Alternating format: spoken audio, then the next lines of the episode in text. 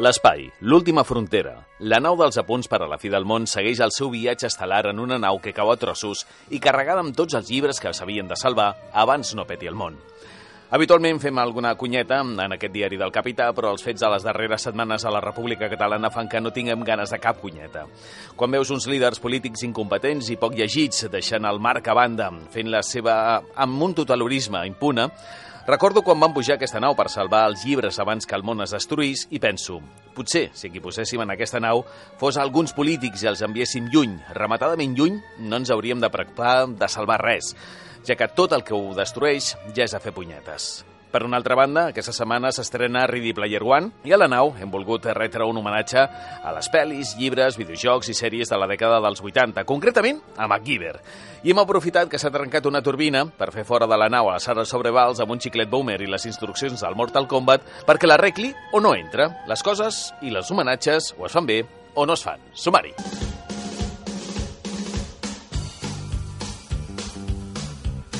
Vuitè viatge i venim carregats de noms importants. Per començar, hem d'acceptar el nostre mea culpa i reconèixer que hem portat poques escriptores al programa. Així doncs, si no volíem caldo, perquè avui ens haurem de posar drets amb la presència de la primera acadèmica que visita la nau, Carme Riera, l'escriptora mallorquina, acaba de tornar al territori de la novel·la d'intriga En venjaré la teva mort, on aborda una crítica social contra la corrupció, la pederàstia i la violència de gènere. I més convidades. En aquesta ocasió ens quedem al Maresme. Si la setmana passada parlàvem amb l'autor de la novel·la de Sant Jordi, en aquesta ens quedarem amb la faula de Sant Jordi i la seva autora, Sílvia Tarragó. I ja us hem dit que, havíem, que teníem moltes eh, escriptores, ens acompanyaven moltes escriptores avui. Doncs una més és la novel·la de la que tothom en parla, i bé, a les xarxes socials, la guanyadora del Premi Anagrama de novel·la, que ens torna a fer viatjar cap a ses illes per parlar amb l'autora de les possessions, Llucia Ramis. I, és clar, els engranatges habituals per fer funcionar la nau, les notícies, les novetats, el cinema, i com sempre, ja sabem que no ens donarà temps de fer-ho tot. I per espai... 10,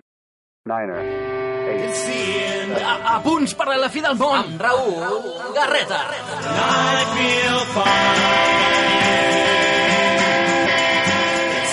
three, two, one, zero, zero, zero. Just a young gun with a quick fuse. I was uptight, wanna let loose.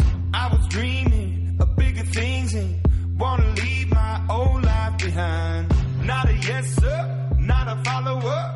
Fit the box, fit the mold, have a seat in the foyer. Take a number.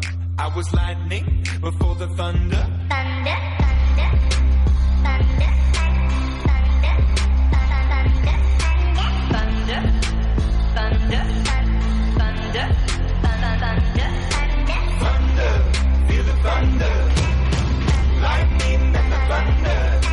Thunder, feel the thunder.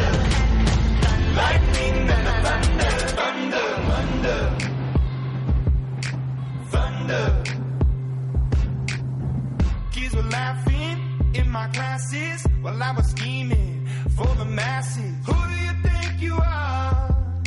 Dreaming about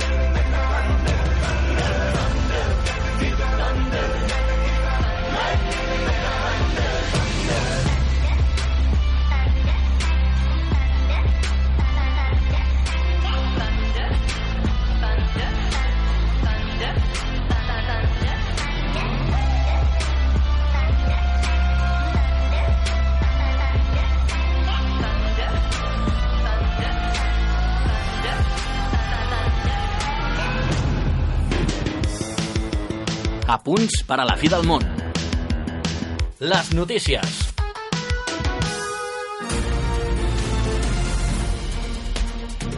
La subhasta de llibres rars i manuscrits de Bonhams, el paradís dels lletraferits i els fetichistes literaris, es va saldar amb Sylvia Plath i Ted Hughes com a líders de vendes. Els objectes del famós matrimoni d'escriptors es van vendre per un total de 1,7 milions d'euros. Té mèrit si pensem que en la mateixa subhasta s'oferien manuscrits de Dickens, Wordsworth o Adam Smith. De fet, l'estrella de la nit va ser una còpia signada de l'única novel·la de Sylvia Plath, La campana de vidre. Una primera edició que l'autora s'havia guardat per a ella mateixa i que es va vendre per 100.000 euros euros, un objecte únic que, més, té morbo. Estava datada al Nadal de 1962, unes setmanes abans de la seva mort. Els objectes de la famosa parella van sortir a subhasta per iniciativa de la seva filla, Frieda Hughes. No només es van vendre objectes literaris, sinó també coses personals als escriptors. Una cartera de plat per 10.000 euros, tot i que no portava cap bitllet dins, un dibuix que ella va fer, el del seu marit, per 17.000 euros, o un llibre de receptes dels seus plats preferits i els de Ted, per 5.000 euros. Resulta curiós comparar aquestes quantitats amb els preus que van aconseguir alguns manuscrits de Dickens, 2.000 euros, Williams Wordsworth, 16.200 euros, o Adam Smith, 1.000 euros. I ja que parlem de subhastes i compres, quan tingueu una mica de diners extra, penseu que sempre és una bona idea gastar-lo en un llibre. El web lidup.com ha recollit els 25 llibres més cars que es poden comprar a internet. La primera oposició l'ocupa el, llibre Michael Grant, The Founders of the Western Wall, A History of Greece and Rome, que a través de iBooks et pot costar només 700.000 euros. Entre els llibres més cars hi podem trobar també la primera bíblia impresa en anglès, l'anomenada Bíblia de Coverdale de 1535. El preu, 695.000 dòlars. La tercera posició és pel conte de Nadal de Charles Dickens. La seva primera edició no és apta per Mr. Scrooge, 500.000 dòlars. Entre els més recents hi trobaríem l'Ulisses de Joyce. La seva primera edició et pot costar 424.000 dòlars. El Capital de Karl Marx, dos obres de Shakespeare, la segona impressió i la primera edició del sonet són alguns dels llibres més cars on, per trobar la primera obra en castellà, ens hem d'anar al llibre de Francisco López de Gomara, primera i segunda parte de la historia general de las Indias con todo el descubrimiento y cosas notables que han acaecido desde que se ganaron hasta el año 1551. Un llibre original de 1553 que només et costaria 208.000 dòlars. Es tracta de la primera història impresa de Mèxic i la primera aparició del nom Califòrnia per descriure la costa oest nord-americana.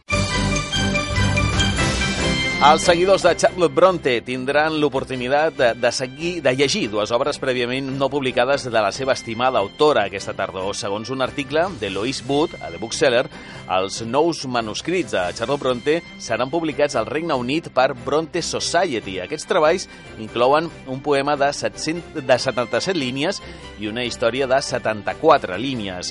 La història darrere aquestes peces dona mil voltes. Es van trobar a les pàgines d'un llibre, propietat de la mare de Charlotte Charlotte Maria, que va perdre gairebé tot en un naufragi a la costa de Devonshire, el 1812. El llibre de Robert Southey, The Rest of Henry W. Kirkewhite, és una de les poques possessions de Maria. Conté aquesta inscripció en llatí. El llibre de la meva estimada esposa es va salvar de les onades, així que sempre es conservarà. Aquest llibre va ser venut a un col·leccionista privat als Estats Units al segle XIX i recentment es va vendre a The Bronze Society per 200.000 lliures esterlines. A més dels facsímils dels manuscrits, la nova publicació inclourà contribucions dels estudiosos de Bronte, un esbós del germà de Charlotte, Branwell, anotacions i un relat de la història dels manuscrits. A punts per a la fi del món!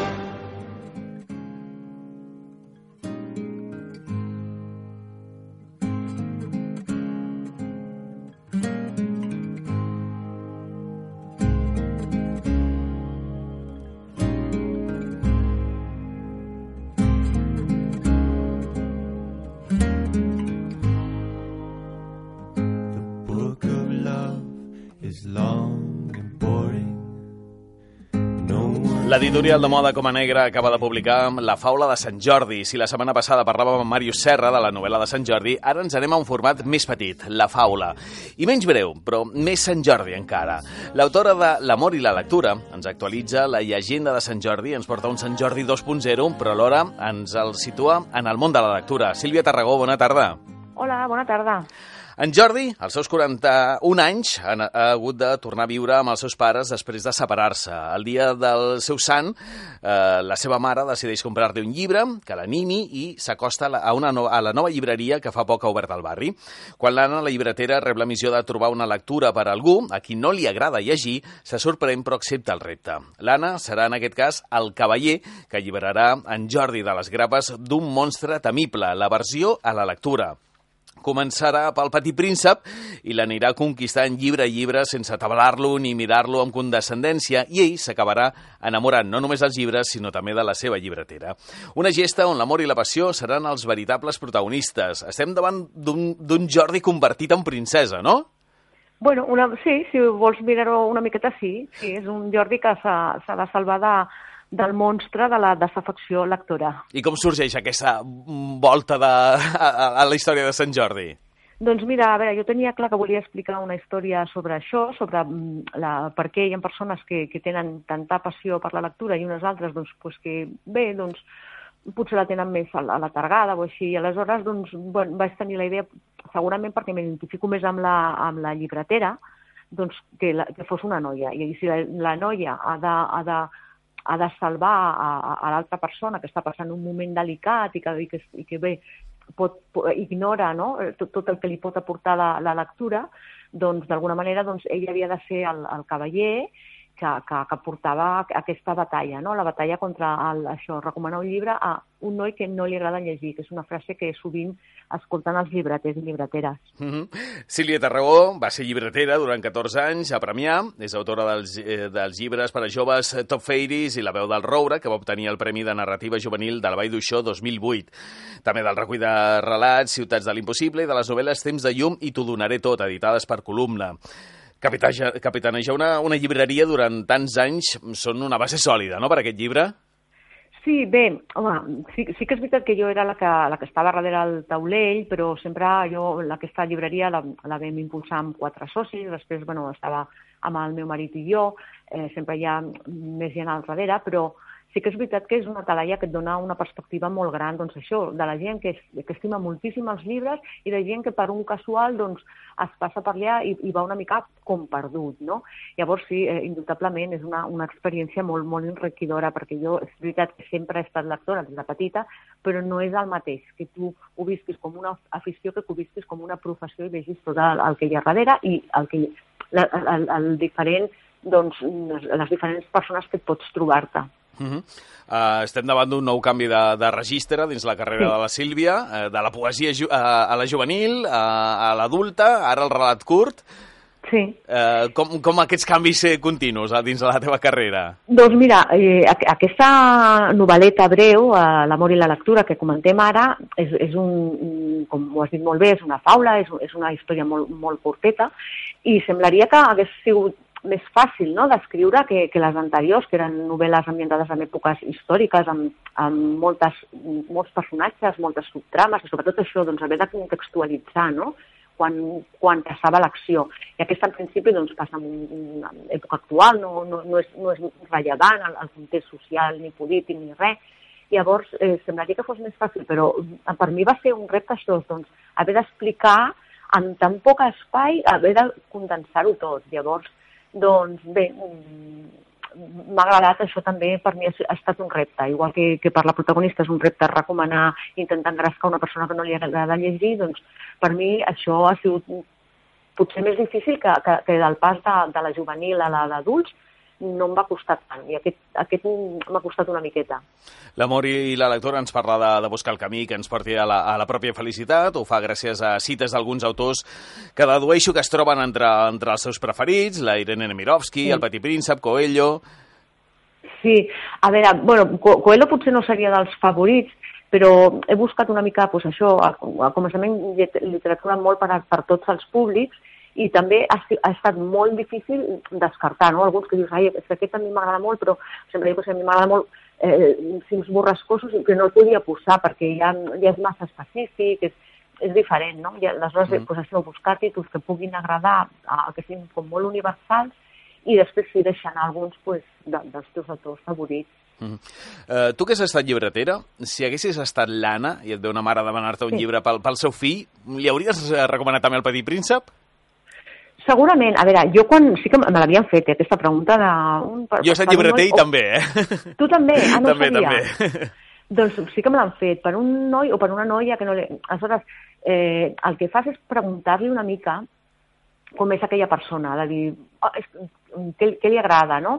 Pues quines pel·lícules, sobretot t'ajuda molt saber quin, quin tipus de pel·lícules li agraden i vas una mica més orientat. Però clar, en aquest cas no podia fer perquè això et condicionaria, no? Si t'haguessin dit, és que li agraden les sèries, tal. Aleshores, haguessis anat ja per un... haguessis tirat massa prim. Aleshores, mm, bueno, representa que Sí, sí que li podria...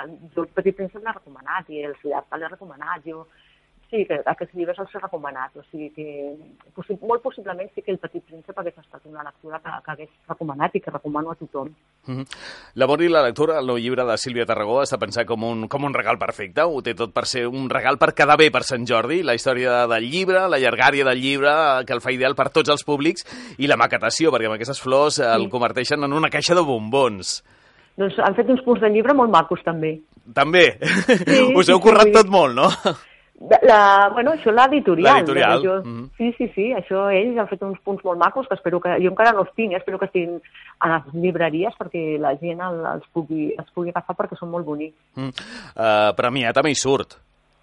Sí, sí, mm, em van entrevistar fa poc a, a Ràdio Premià Mhm. i la, clar, em, em deien ai, fas molt, moltes plicades d'ull perquè surten alguns carrers i tal.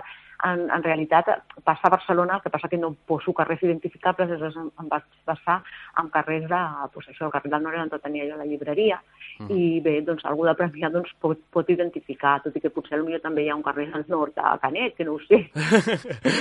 Uh, et vaig a proposar un joc. Tornem al, al passat, uh, quan eres llibretera, Mm? et ve una mare i et Sí. ve, a, a, et diu això. El, El Escolta, escolta. eh, Només Sí. llegeix el marca. Ja és gran i té una feina de molta responsabilitat, però com només llegeix el marca, no fa res. Deixa que tot passi.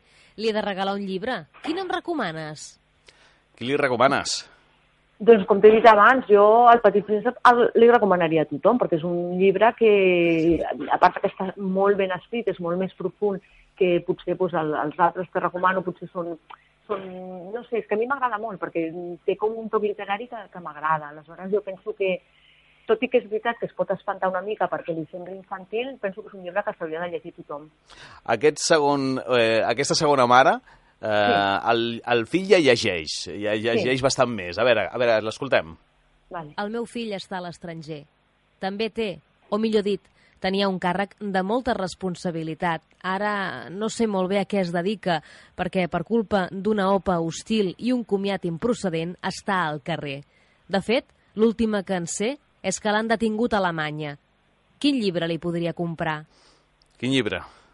Ostres, és que no sé, és que em poses uns casos molt així. Complicats, eh? Doncs, Sí, molt, molt complicats, perquè és que tampoc no, no hi veig que tingui massa a veure el fet de que, de, de, de que estigui en un lloc o un altre, o sigui, és més el, el que li vingui de gust llegir, aleshores, doncs, clar, haurien de ser coses doncs, molt populars.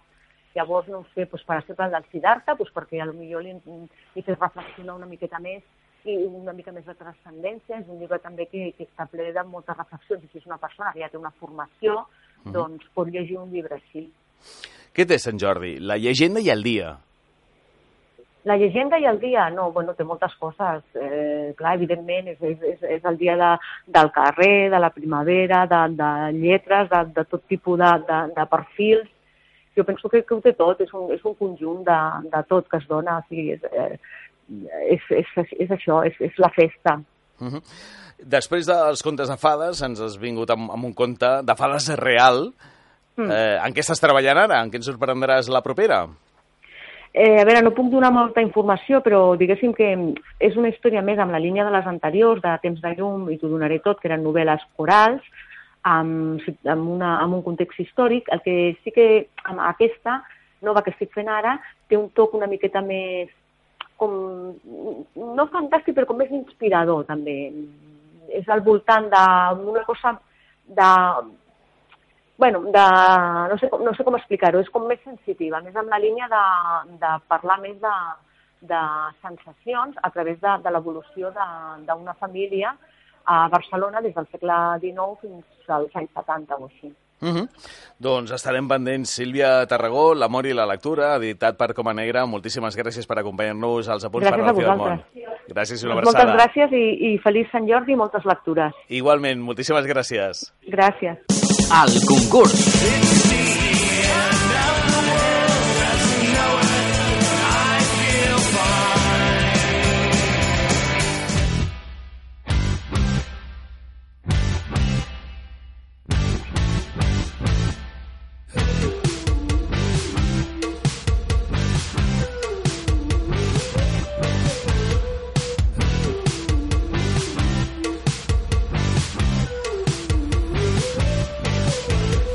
Sabeu que estàvem sortejant entre tots els seguidors del programa a les xarxes socials un exemplar de la novel·la de Sant Jordi de Màrius Serra, Gentilesa d'Ara Llibres. Per aconseguir-ho, només ens havíeu de contestar què és el que menys us agrada de Sant Jordi. Heu participat molt, tant a Facebook com a Twitter. Anem a posar els noms en un mitjó i remenem per extreure'n el guanyador. Del... Algun dia en parlarem, eh, del pressupost del programa, però anem a repassar què ens heu dit. Raül Posades, a punt Sant Jordi, el que menys m'agrada és no tenir tot el dia lliure per aprofitar-lo com Déu mana amb el meu marit i passejant per la col·lapsada Barcelona. Rosa d'Abril, eh, que només em regalin roses. Les dones també volem llibres. Bressola ens diu, el que menys m'agrada és que a la tarda es quasi imposible poder passejar per las Ramblas. La Sandra, lo que menos me gusta es que mi marido llegue a casa después de un largo día de trabajo, ya que encima no es festivo. Otra de las cosas que no me gustan y, y aparezca sin rosa ni libro. L'Eduard, a mi el que menys m'agrada de Sant Jordi és que no sigui festiu a Catalunya i poder-me passar hores passejant entre les paradetes i no mirar el rellotge. Som-hi, doncs, moment de treure el número. A veure, anem a remenar una miqueta entre tots els números que tenim. El número és el el 8, el 8, el 8, el 8, el 8. El 8 és per Jordi de Can 13. Ens va contestar per Facebook i ens diu que el que menys li agrada de Sant Jordi és regalar llibres que no seran llegits, especialment quan regales poesia o còmic, i per la cara de la persona que ve- eh, veus que no. Si em regalen mediàtics, tampoc els llegeixo. Vargas Llosa, tampoc. Doncs moltíssimes gràcies a tots els que heu participat. Aquesta setmana no farem concurs, que ens anem de vacances, però quan tornem, alguna de bona en portarem, segur. A punts per la fi del món. It's the end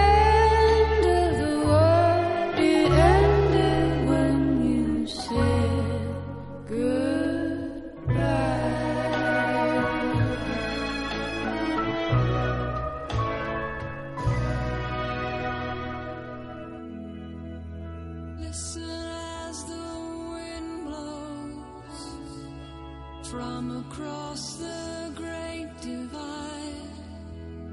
Voices trapped in yearning, memories trapped in time. Podria haver estat una notícia més, una d'aquelles històries sensacionalistes per les quals les famílies senceres exclamen davant del televisor «Quin horror!». Com és algú capaç de cometre una salvatjada com aquesta? Quantes hores passam mirant la tele i que poques vegades això ens canvia la vida? Llavors ens salta un nom. És un nom conegut, esmentat per la presentadora amb un to massa neutre, que no es cau al que està dient. Aquest matí, l'empresari Benito Vasconcelos ha mort la dona i el fill de 16 anys al seu xalet de la Moraleja i després s'ha tret la vida. Així comença el llibre que ha obtingut el tercer Premi Anagrama de novel·la Les possessions i que ens permet posar-li el casc de la nau dels apunts a la seva autora, la Llucia Ramis. Llucia, bona tarda. Hola, bona tarda.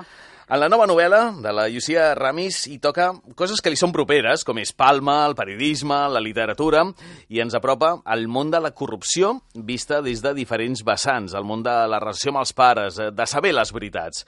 Però abans d'entrar en el llibre, hi tenim una frase de, de Santiago Rossinyol on diu «Els qui busquen la veritat mereixen el càstig de trobar-la». I això hi té molt a veure amb el que ens parla la novel·la, no? Una mica sí. Jo crec que ningú vol saber la veritat, en realitat. ni dins les famílies, ni, ni moltes vegades eh, en tot l'aspecte del món, no? Perquè saber la veritat te fa responsable d'aquesta veritat i no estem preparats per això. Eh, La veritat en tots els aspectes, la familiar, la dels fets, de tot. Sí, sí, la periodística també. També, també, oi? Sí, sí. Es viu, es viu molt, molt més còmode amb la ignorància, no? Estem més còmodes perquè, clar, és a dir, la ignorància no saps com estan fetes les coses, no saps què s'amaga, no saps les trampes, i a més a més, bueno, eh, tu et creus el que et diuen, defenses allò en què creus, i t'estimes més això, defensar els teus, la teva gent, les teves idees, la, les teves polítiques, que no pas admetre uns fets que moltes vegades eh, contradiuran aquestes coses que tu defenses, no? Mhm. O que les desmentiran, sí. Les possessions ens ve presentada eh, una mica enganyosa, eh? perquè ens ve presentada com un relat de fantasmes. Entre el títol i aquesta primera fase de la, de frase de la contraportada ens pot portar a pensar que estem en una novel·la fantàstica. No, fantàstica no, però jo crec que sí que és una novel·la de fantasmes en el sentit que tots arrossegam els fantasmes de les nostres famílies, les pors, aquelles que mai no es parlen, no? que, que estan com a aquells temes familiars que mai no s'esmenten i que es van com a fent grans. Mhm. La corrupció mateixa, jo crec que és un tipus de fantasma de la nostra societat, no? que és allà però ningú no en parla, si no és per parlar de, això, de grans empresaris o grans o grans polítics, però no, no de- d'aquell dia a dia que, que, que la corrupció està tot arreu, no? des de la persona que ens intenta treure unes terres per fer una urbanització fins al soci que intenta doncs, eh, aprofitar-se de l'empresa per fer la seva pròpia, el seu propi negoci. No? És a dir, que jo crec que la, la, la, la corrupció ja forma part de la nostra vida, de la nostra soci- societat, com a mínim aquí, a- al Mediterrani, i, i, bueno, i, i s'ha de mantenir en secret, no, no, no, és a dir, serveix per, per quatre notícies a la televisió de tant en tant, però no, no, no, no, se'n parla prou com per, per acabar amb ella, no? que hauríem de, de liquidar-lo d'una vegada, però ja és sistèmica, ja forma part del sistema. I a més, a, a la paraula possessions tampoc, tampoc hem de passar amb l'exorcista, sinó que hem de buscar-li el, el sentit més mallorquí de, de la paraula, no? Sí, les cases, les masies, les finques, són possessions a Mallorca, que jo crec que és eh, molt interessant per, per entendre també aquesta cosa que ens passa als, als mallorquins, no? que quan abandonem Sarroqueta sempre l'enyoram i tenim la sensació que han perdut un trosset d'aquella illa que ens pertanyia. No? I al final una de les reflexions que faig és a qui, pertany, a qui pertanyem i què ens pertany a nosaltres. Les cases de qui són? De les persones que les van comprar, de les persones que hi viuen o de les persones que tenen tots els records allà ficats, no? una vegada que ja no pots tornar en aquella casa perquè l'han venuda o te l'han treta eh, o perquè l'herència ha fet que sigui per una altra persona, moltes vegades et, deixa, et quedes com una mica desemparat. I les possessions seria aquesta possessió de la casa, aquesta possessió de l'illa, però també aquesta possessió del passat, no? perquè al final el passat de cadascun és només seu, eh, la teva infantesa només és teva i de ningú més, no? Mhm. I no poder tornar en aquest passat moltes vegades eh, doncs ens fa l'efecte que ens falta alguna cosa i que no sabem molt bé d'on som, no? I, i no podem tornar, no? La, la narradora de les possessions retorna a la seva palma natal per afrontar la demència d'un pare que batalla contra un presumpte delicte urbanístic que li pot fer perdre la casa. La gòtica situació familiar revocarà a una sinistra genealogia quan, anys enrere, un exsoci del seu avi, assidu a la, a la cultura del pelotazo i assetjar per la, per la ruïna va assassinar la seva dona i el seu fill i després es va suïcidar. Mm. Ets bastant crítica amb la teva generació. Dius... Soc crítica. Sí, oi? Sí, soc crítica, però no, no faig denúncies, és a dir, um, jo crec que som el heredat, és veritat, és a dir, quan diuen les, les herències no, rebudes, és veritat, som els silencis de les nostres famílies, som el silenci també, és, és veritat, però després eh, la meva generació, els que van néixer en la transició, que també som els que van néixer amb la corrupció, de qualque manera, crec que, bueno, ens hem eh, acostumat, o sigui, creiem que ens mereixem tot el que tenim, però no lluitant per conservar-ho, no? És a dir, eh, hi ha hagut unes generacions anteriors que han lluitat per aconseguir les llibertats que nosaltres tenim, per aconseguir una democràcia, per estar en la situació en què ens trobam, i ara diem eh, com és possible que ara tinguem menys drets que, que l'època dels nostres pares.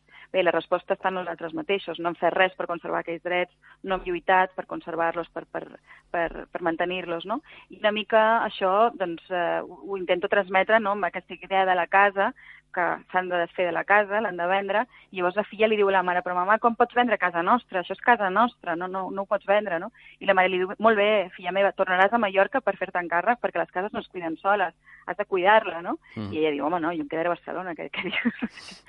Nosaltres una mica som com aquelles persones que ho volen tot fet, saps? Però que després no, vull dir, no, no, no, es- no ens hi esforçam gaire, i tinc aquesta sensació. Ah, ens ho deies eh, amb aquesta frase, tota la vida se'ns ha dit que som fills de la transició, que havíem nascut Mhm. amb la llibertat, que faríem grans coses, però i si en realitat som fills de la corrupció i aquesta llibertat teòrica fos la nostra condemna?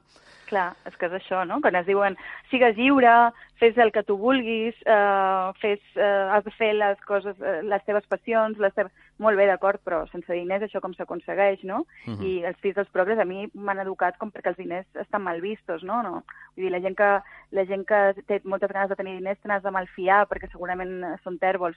I llavors dius, molt bé, fantàstic, però quan jo he acabat la carrera i he estudiat la cosa que jo volia estudiar, que és periodisme, i m'encanta escriure, i he viatjat molt, i sé molts idiomes, i tot el que tu vulguis, se suposa que jo ara hauria de triomfar, no? Perquè Se'ns se'ns amaguen els pros, no? Els, els peròs de les coses.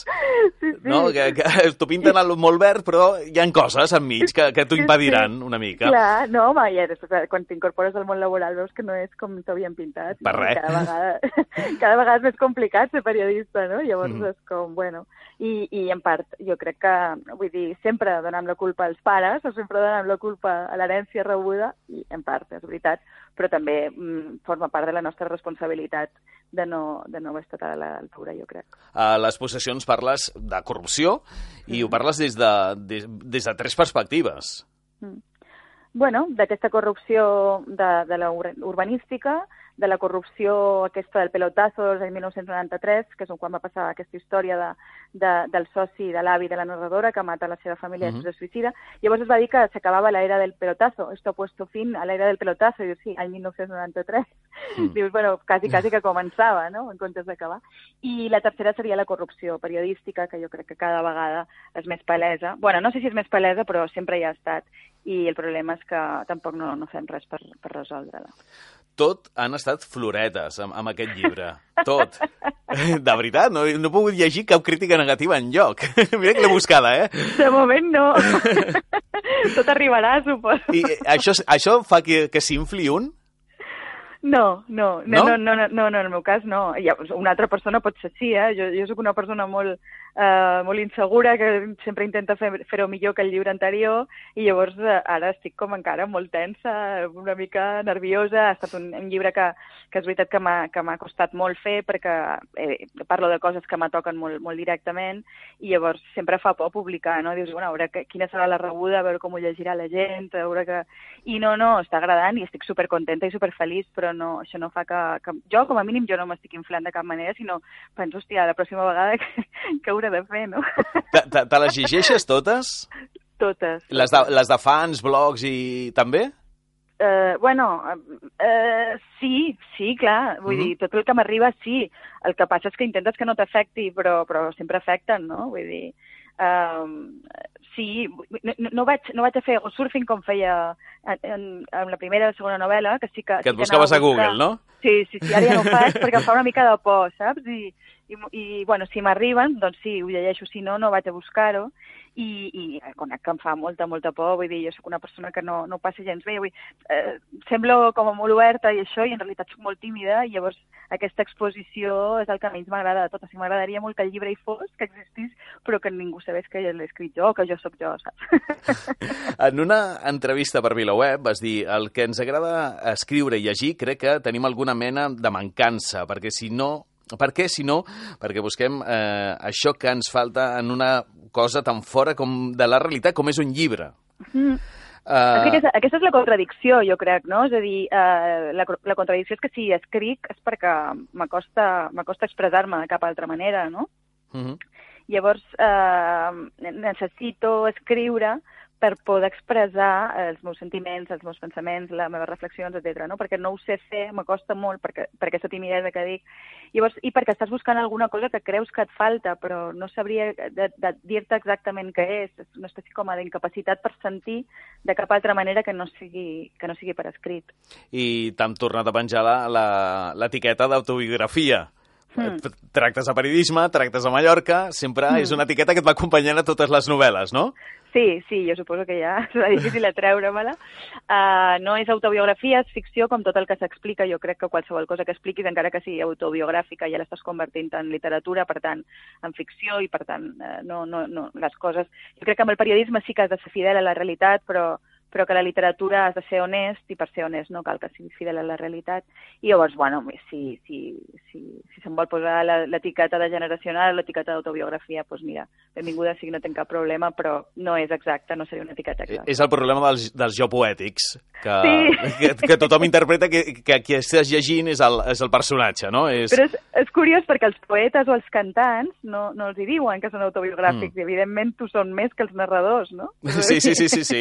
I després, clar, sup- jo m'imagino que quan et trobes amb, amb algun lector, busquen aquell personatge. Uh, sí, no, sí, clar, i aquesta és una, aquesta és una trampa, no? que la, moltes vegades eh, les persones que llegeixen els meus llibres creuen que jo sóc la narradora. Jo no sóc la narradora. Mhm. Jo, jo, jo, jo faig una veu, faig una interpretació, de, o sigui, faig, és com el personatge, no? És a dir, jo, jo interpreto el meu propi personatge. En realitat seria com, com pensar que l'actriu, eh, perdona, que el personatge és l'actriu. Jo mm, sóc l'autora, no, no sóc la narradora. O sigui, s'assembla molt a mi, em, ha viscut una sèrie de coses bastant semblants a les que jo he viscut, té una manera de pensar, pot ser semblant, però és molt més exagerada del que seria jo, o molt més... Eh... I després hi ha una altra cosa, no?, que el fet de, el fet de llegir una cosa que jo he escrit no vol dir que me coneguis a mi. Coneixes una obra que jo he fet, no?, amb una intenció, evidentment. Mhm. Jo crec que les persones que escrivim, escrivim una, amb una intenció, que, que és transmetre una idea o, un, o una emoció, etc. no? Però no és eh, despullar-nos. Mm, Aquesta no és la intenció, perquè per despullar-me ja ho faig quan vaig a la dutxa, saps? El, el positivisme que encara segueix uh, imperant dintre del món, del món literari. Has decidit si, si aparcaràs el, el periodisme i et dedicaràs a, de ple a la literatura o no ho has ah, sí, decidit? sí, sí, sí, clar que sí, perquè clar, eh, t'aforres sent escriptor en aquest país. Vull dir, és, és, està xupat, o sigui, és el més fàcil del món, jo crec que sí, que ara només escriuré novel·les i m'aforraré. És a dir, no. No, és divertit perquè, és divertit perquè jo vaig dir, bueno, seré periodista per poder dedicar-me a escriure, la meva feina serà la de periodista i així podré dedicar-me a escriure com a hobby, perquè evidentment no, no, no dono un duro, i quan vaig començar periodisme molt bé i al cap de poc temps, eh, ara he de cercar una tercera feina per poder de- dedicar-me al periodisme, perquè tampoc no dona diners. I, I ara, a més de, de seguir amb el periodisme, de gaudir amb Sant Jordi, de l'èxit del llibre, què és el següent? Ah, no sé. Ara, ara toca tota la promoció, que també... Uh, És feixuga, també. Home, és, molt pitjor, guai. és el pitjor, no? No, digues, digues, Has de, dir, has de dir que és el més guai de tot. I, però és el pitjor. No, és xula, però és, és guai perquè, clar, estàs parlant de tu i tothom està parlant de tu i en el fons tenim una vanitat que ens agrada, Mhm. però hi ha molta exposició tota l'estona, és molt cansat, és molt esgotador i, i, bueno, i és divertit, però també és, molt cansat, com totes les coses divertides, que són molt cansades, no? I després, eh, una, vegada passat Sant Jordi, eh, bueno, me tocarà fer la promoció en castellà, perquè també surt a Libros de la Serie en castellà a les posicions, i una, una vegada que hagi acabat, eh, pues, suposo que cap, a, cap al juny, una cosa així, doncs, eh, no ho sé, suposo que hauré de començar a pensar en escriure una altra cosa, però bueno, en principi, ara mateix és impossible pensar en res que no sigui fer la promoció. Llucia Ramis, autora del llibre del que tothom parla bé, les possessions. Moltes gràcies per acompanyar-nos als apunts per la fi del món. Moltes gràcies a vosaltres. Una abraçada. Que vagi molt bé.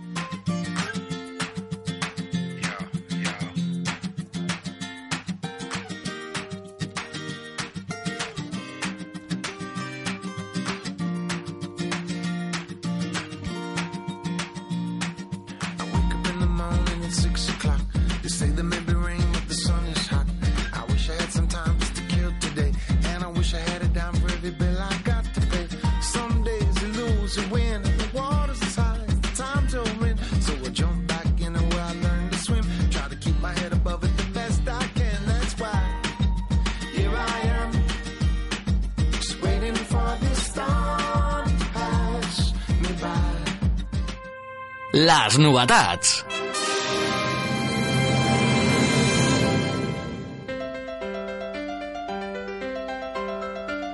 És Sant Jordi i l'assassí encara dorm, així arrenca el nou llibre de Mario Serra, tota una declaració d'intencions contundent per començar un llibre, un llibre que gairebé compleix les tres normes clàssiques, d'espai, temps i acció. L'espai és al centre de Barcelona, molt ben delimitat per les parades de llibres i flors, tot i que té un breu punt de partida per fer barri, la plaça Eivissa d'Horta. També compleix la llei del temps, tot passa en un dia, hores que s'allarguen i s'escurcen convenientment, tal com passava amb la sèrie 24, els títols dels capítols són l'hora i el minut d'aquest bellugadís dia.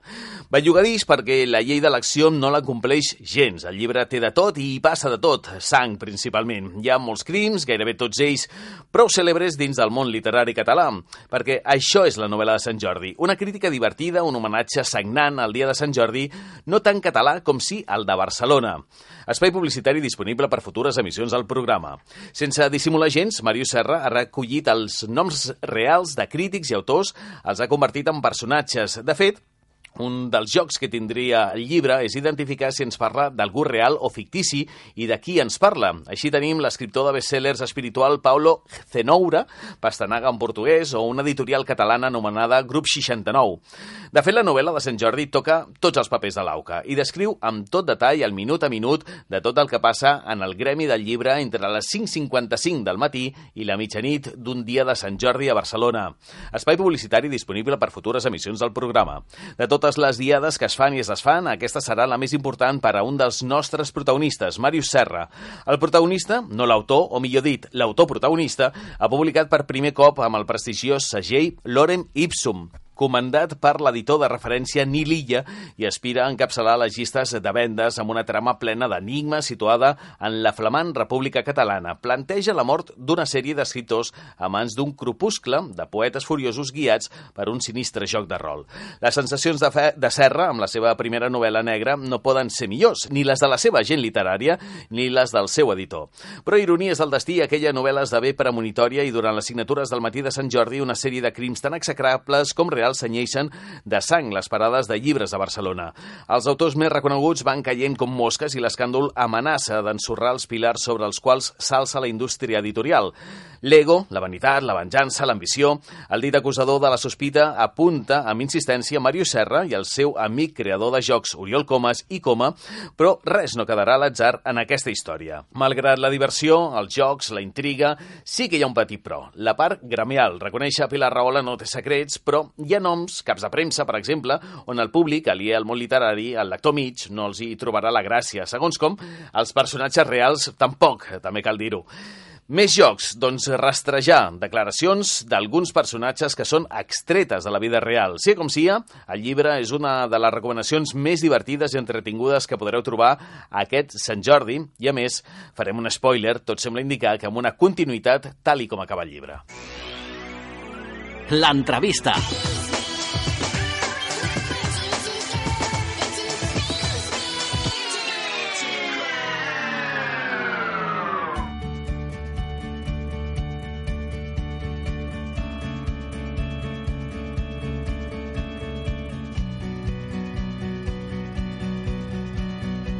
Em diuen Helena Martínez Castiñeiras i durant 10 anys vaig treballar com a detectiu privat. Potser va ser la, per la meva afició a les novel·les policíques el que em va portar a escollir, després d'haver deixat per avorrida, la carrera de dret, els cursos per arribar a ser detectiu. Ara, després de renunciar a la professió, m'he decidit a escriure, però no per aprofitar l'experiència acumulada, sinó per una altra raó, de molt més pes. Em sento culpable d'haver contribuït que es condemnés dues persones per un crim que no van cometre. Aquest és el punt de partida de Venjaré la teva mort. No sé si el correcte seria dir un dels dos últims llibres de Carme Riera, perquè alhora s'ha publicat Vengaré tu muerte, que no és que sigui una traducció de la pròpia Carme Riera, sinó que respon al seu sistema de treballar, que consisteix en escriure les dues novel·les, la catalana i la castellana, alhora. Bona tarda, Carme Riera. Bona tarda. És així, no? Aquest és el, el sistema de treball. Sí, el- l'Alex Chaga, el Bernardo Chaga, l'escriptor euskera, també ho fa així, i és la millor manera quan et tradueixes. És a dir, eh, la, la plana que fas del castellà, eh, primer el català, després el castellà, t'ajuda a corregir els defectes del català. És fantàstic, és un mètode que a mi m'agrada molt. Escrius una plana i un cop acabada fas la- l'altra versió, la, fas la castellana Exacte. o la catalana. Exacte, exacte. Faig la Mhm. castellana i aleshores, a partir d'aquí, la- els defectes que veus a la primera versió els pots corregir. I tornes enrere? Sí, sí, moltes vegades. Ahà.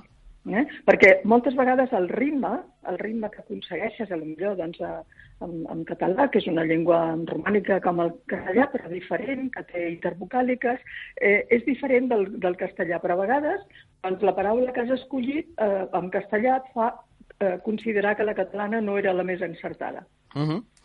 Carme Riera i Guilera es donà a conèixer l'any 1975 amb la publicació del llibre Tadeix amor, la mar com a penyora, un dels bestsellers de la literatura catalana. Des del 2012 ocupa la lletra N a la Real Acadèmia Espanyola. Si repasséssim els llibres obtinguts per l'escriptora ens faríem un tip. Josep Pla, Lletra d'Or, Sant Jordi, Ramon Llull... I ara, en aquest Venjaré la teva mort, ens porta a una detectiva privada, Elena Martínez, desenganyada amb la professió o sobrepassada per un cas en concret que l'ha afectat de manera directa. Una novel·la de misteri, un, thri un thriller, novel·la negra, situada en un molt ben descrit 2010, que ja tenia els, els ciments de, de, per construir una crisi. Protagonista gallec, bé, de l'Hospitaler però d'origen gallec, detectiu, un personatge recuperat de natura quasi morta que es diu Manuela Vázquez. És inevitable trobar-hi un punt de comú amb, amb Pepe Carballo. Sí, mm, és un homenatge a l'enyorat Vázquez Montalbán per un cantó, però per altra banda és una versió absolutament lliure del Carballo, eh? és a dir, té poc a veure, no? Uh -huh. uh, hi ha un altre homenatge. Uh, al començar el llibre, uh, dediques el llibre a Rosa Montero i a Montserrat Roig. Sí, a Montserrat Roig perquè és una escriptora eh, molt amiga, però una mica doncs, eh, poc llegida en aquests moments, tot i que l'exposició que hi ha al Born, que és fantàstica, sobre els catalans als camps nazis, doncs ens l'apropa una vegada més, no? però jo crec que s'hauria de llegir més, llegir més Montserrat Roig. I Rosa Montero doncs, és també una, una amiga estimada, una gran escriptora i una gran periodista. Amb la Montserrat Roig tu tens com una mena d'acord que havies de parlar bé d'ella. No. No és així. No, no havíem de parlar malament, que no és el Ah, mateix. vinga. Hi ha un matís, eh? Sí, sí, sí, sí, sí, sí, sí, sí, correcte. Ens, en- moltes vegades ens enfrontaven els periodistes, vam decidir això, que mai parlaríem malament l'una de l'altra, no? Mm. Encara que ens estiressin de la llengua. Uh, que això no volia dir parlar bé, però mm, haguéssim parlat bé segurament, i vam parlar bé els últims anys quan realment ens van fer, ens van fer molt amigues. Mhm. Hi ha un joc complicat amb el jo en aquesta novel·la, perquè la novel·la s'ha escrit en primera persona, però no l'escriu Carme Riera, ni el joc poètic de la Carme Riera, l'escriu el jo, que és aquesta exdetectiva, ara ficada escriptora. Eh, has mirat de provocar que el lector hi trobés una altra forma d'escriure? Has, has al·ludit als mallorquinismes. Sí, no n'hi ha cap. Mm. Penso que no n'hi ha cap. A més, a, a, a l'editorial, el- els dos o tres que hi havia, per descuit, em van dir no, no, fora. Jo vaig pensar, tenen raó. Uh, sí, mira, és que el problema és que quan li dones la veu amb un altre, molt diferent de tu, li has de donar absolutament, perquè si no, doncs no funciona. I en aquest sentit, quan escriu la Carme Riera de debò, doncs té tendència amb una prosa més aviat lírica, um, amb el que el, moltes vegades doncs, coses seves hi surten, i en aquest cas no. És a dir, la prosa és d'aquelles doncs, més funcionals, simplement doncs, per anar al gra directament, i la persona, doncs, com que és d'origen gallec, fins i tot pot cometre algun castellanisme. Mhm.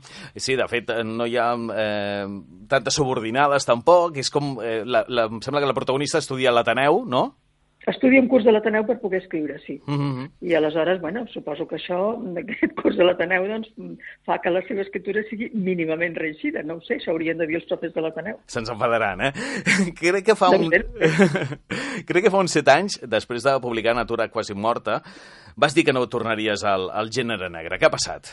No, és que en realitat no és negre, és a dir, és un, és un thriller no exactament negre, és, és d'intriga. Eh? que passa que com que eh, se m'ho van recordar el dia de la, de la roda de premsa, doncs, jo dir, doncs, potser no és negre, potser és gris fosc, no? En aquest sentit, doncs, mm, és un matís diferent. Um, jo havia pos, posat intriga a molts dels meus llibres. La primera novel·la que vaig fer, Una primavera per Domenico Guarini, ja hi és aquesta intriga, ja es podria dir que és una mica negra, no? Mm. I, eh, i eh, fins i tot a la més potser coneguda, dins el darrer blau, doncs porto a la foguera a, a, a un seguit de jueus conversos, pobres, vull dir que negre Mhm. pitjor, eh? Dir, cendra pura. Mm -hmm. uh, diuen el, els més puristes que uh, el, el sentit de l'humor que, que, que té la, la novel·la fa que no sigui de, tampoc del gènere, no? Exacte, és a dir, la, la, el sentit de l'humor doncs, no, també no, no és un tret de la novel·la eh, que anomenem negra, no? més aviat tot és més fosc i macabre, i en aquest sentit jo crec que es pot, eh, podem pensar que, que, que el gènere humorístic és el que potser prima en, en Venjaré la teva mort. Mm -hmm. Malgrat tots els eh, temes que abordes a la novel·la, de ser un llibre amb molta denúncia social, no desvetllarem res, eh, però es nota que t'ho has passat bé escrivint-la. Sí, a estones m'ho he passat bé, a estones doncs eh, també mm, he rigut una mica, la veritat és que sí, no és de les que m'ho he passat pitjor. Mhm. El context on, on ens trobem és una Catalunya del cas Tibidabo, del cas Palau, de les hipoteques i els crèdits llançats a l'aire, de les bases de la crisi. Semblava un moment terrible, però posats a fer una, a comparacions amb el moment actual de censures, presos polítics, cantants a la presó, llibres prohibits, anem a millor o pitjor? Mira, no sé què dir-te, és a dir, no sé si anem a pitjor, potser sí, potser anem a pitjor, és a dir, tot el que està passant és, és tristíssim i, i terrible i eh, potser va començar tot amb la crisi espantosa eh, que vam patir a partir del 2008. Eh, jo espero doncs, que tinguem anys millor i ho desitjo d'una manera ferrissada. Mhm. No sols per escriure novel·les, eh, sinó per poder viure amb més tranquil·litat i amb més pau. La, la novel·la sorgeix de fa anys, perquè em sembla que tenies ja uns 100 folis escrits. Sí, veig que estàs molt ben assabentat, eh? No, vaja. Sí, tenia, era, era un repte, perquè fins i tot és, eh, diré, ja que estàs tan ben assabentat, que era anterior a l'altra novel·la negra que diuen que vaig fer, que és Mhm. en, en Natura quasi morta, i aquesta vaig començar-la abans. I la vaig deixar perquè, bé, perquè vaig arribar, a vegades et passa que arribes amb un impàs. I com que els reptes m'agraden molt, doncs vaig pensar que la tornava a agafar. un personatge que té molta, molta importància.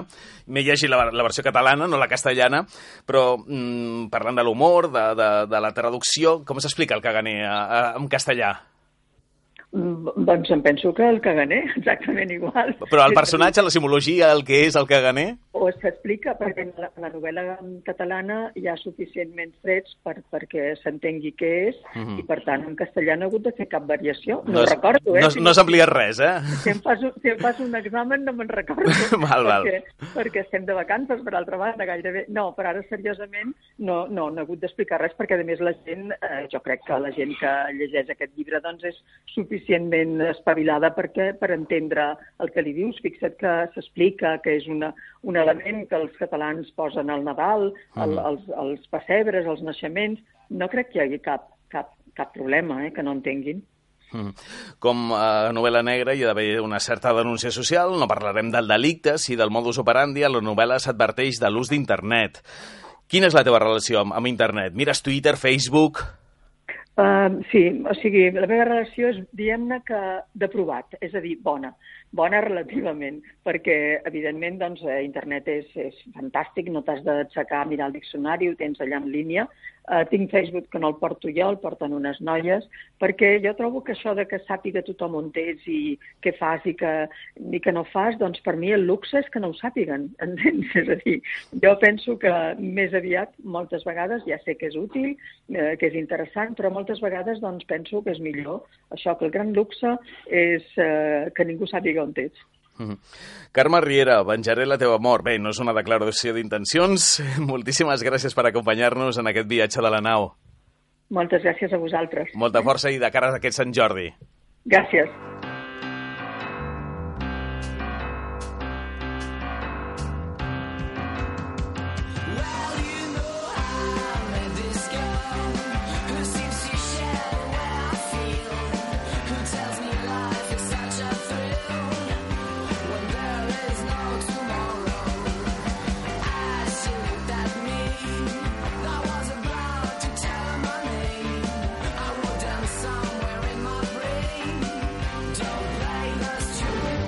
Punts per la fi del món, parlem de cinema.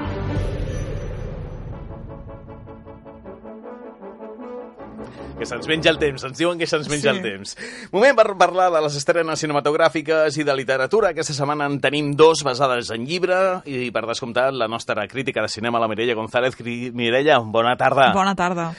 Fem clicar la claqueta. La primera és un remake i una adaptació de llibre, és a dir, l'originalitat és nula. L'autor de la novel·la és un escriptor i guionista americà, Brian Garfield, un escriptor de novel·la negra, guanyador d'un premi Edgar per Rayuela i que va escriure aquesta Death Wish que va protagonitzar Charles Bronson. Soy en el canal 45. Tenemos que hablar de lo que está pasando en Chicago. Todo el mundo está viendo un vídeo viral de un tío encapuchado al que llaman la muerte. Ha impedido el robo del coche. ¿Hace bien en tomarse la justicia por su mano? Es un héroe popular. ¿Quién fue el que disparó? Era un tío blanco. Doncs sí, una proposta que ens arribarà aquest divendres es tracta de El Justiciero, és el títol que li han posat en espanyol. Potser hauríem de veure alguns punts en comú entre Charles Bronson i Bruce Willis, no? Si un actor hauria d'interpretar Charles Bronson en aquests moments, podria ser Bruce Willis? Jo crec que és més expressiu, de lo poc que ho és, sí. el Bruce Willis. Sí, eh? sí, Perquè sí. Charles Bronson, amb aquell bigoti, eh, tenia cara pal. Sí, exacte. doncs bé, aquí tenim Bruce Willis, que interpreta Paul Kersey, un famós cirurgià que viu amb la seva família a Nova York. Un dia la seva dona i la seva filla són brutalment atacades a casa. A Paul, que és un home que sempre ha estat tranquil, doncs sent com una set de venjança eh, s'apodera d'ell. Aquí, com que la policia està molt sobrecarregada de crims, doncs decideix buscar la justícia sol, que és el que feia doncs, Charles Bronson, en el seu remake del Justiciero de la Ciutat el 1974. No hem canviat gaire, no?, pel que sembla. Serà més divertida, no? Bruce Willis Sí. és un personatge més divertit, o la seva cara és més simpàtica que la del Charles Bronson. És més sorprenent, no?, perquè si hem d'anar al que és el Justiciero del 74, és que com a societat fa una mica de por, Sí. no?, que no haguem avançat gaire. El plat fort de la setmana, i que portàvem temps esperant, eh, tenim eh, per aquest motiu d'aquesta pel·lícula la Sara Sobrevals amb el Chicle Boomer i el Mortal Kombat intentant arreglar la nau, és el llibre que em va agradar moltíssim, no sé com de fidel serà el llibre aquesta pel·lícula, l'autor de la novel·la és l'Ernest Klein, només té una altra novel·la, l'Armada, i de fet ja s'ha anunciat la seqüela del seu bestseller, parlo del llibre, i que òbviament es dirà Ready Player 2, perquè parlem ara de... Me llamo Wade Watts. Mi padre me puso ese nombre porque sonaba identidad secreta de superhéroe, como Peter Parker o Bruce Banner. Murió cuando yo era pequeño, y mi madre también. Y he acabado aquí, en un pequeño rincón en ninguna parte. Com deies, Ready Player One és la nova adaptació, podríem dir, d'una nova pel·lícula de ciència-ficció de Steven Spielberg. De fet, ha tingut molt bones crítiques, o sigui que els que heu llegit la novel·la probablement us agradarà. Ens situa a l'any 2045. A Wade Bats és un adolescent que eh, s'evadeix del món real a través d'una utopia virtual a escala global anomenada Oasis. El seu creador, que és un excèntric multimilionari, es mor i deixa la seva fortuna com a premi d'una mena d'elaborada recerca del tresor. Aquest serà el punt de partida perquè el noi s'enfronti a altres jugadors per aconseguir el premi. L'argument està molt bé, no? El llibre és per friquis, és friqui, eh, però eh, no sé, és cautivador, eh? D'aquestes novel·les que, que no pots deixar en cap moment, que tu passes teta llegint-la, Sí. i espero que la pel·lícula sigui, encara que sigui un quart de, del que és el llibre, estarà Pot molt bé. De fet, té excel·lents crítiques, eh? està molt ben valorada. Sabem que Steven Spielberg ha tingut baixons i puixó, Sí. pujades aquests últims anys, i aquesta la situa entre el més destacat d'ell, últimament. Perfecte. Doncs dues estrenes, El Justiciero, Ready Player One, les dues basades en llibres. Moltíssimes gràcies, Mireia. A tu. Fins aviat. L'enquesta. Us preguntàvem aquesta setmana sobre postures, com us agrada més llegir. La resposta a Twitter, la postura més còmoda per llegir és l'horitzontal. El 67% dels nostres seguidors diuen que prefereixen llegir estirats. I a Facebook, una mostra més de, les, de que les dues xarxes són antagòniques. La postura preferida dels nostres seguidors és asseguts. Un 75% prefereix llegir assegut contra un 25% que són dels que es queden estirats amb el llit, amb el llibre sobre la cara mentre t'aixafa les ulleres al nas. Facebook, a punts per a la fi del món, Twitter, a punts FM, el WhatsApp 66896 150 i el mail rcanet1076 arroba gmail.com per consultes, opinions, recomanacions, allò que us agradaria escoltar el programa, per contestar l'enquesta d'aquesta setmana, per descomptat que en aquesta ocasió, doncs ara ens deia la Mireia que aquesta setmana s'estrena Ready Player One, la novel·la d'Ernest Klein i que ha portat al cinema Steven Spielberg.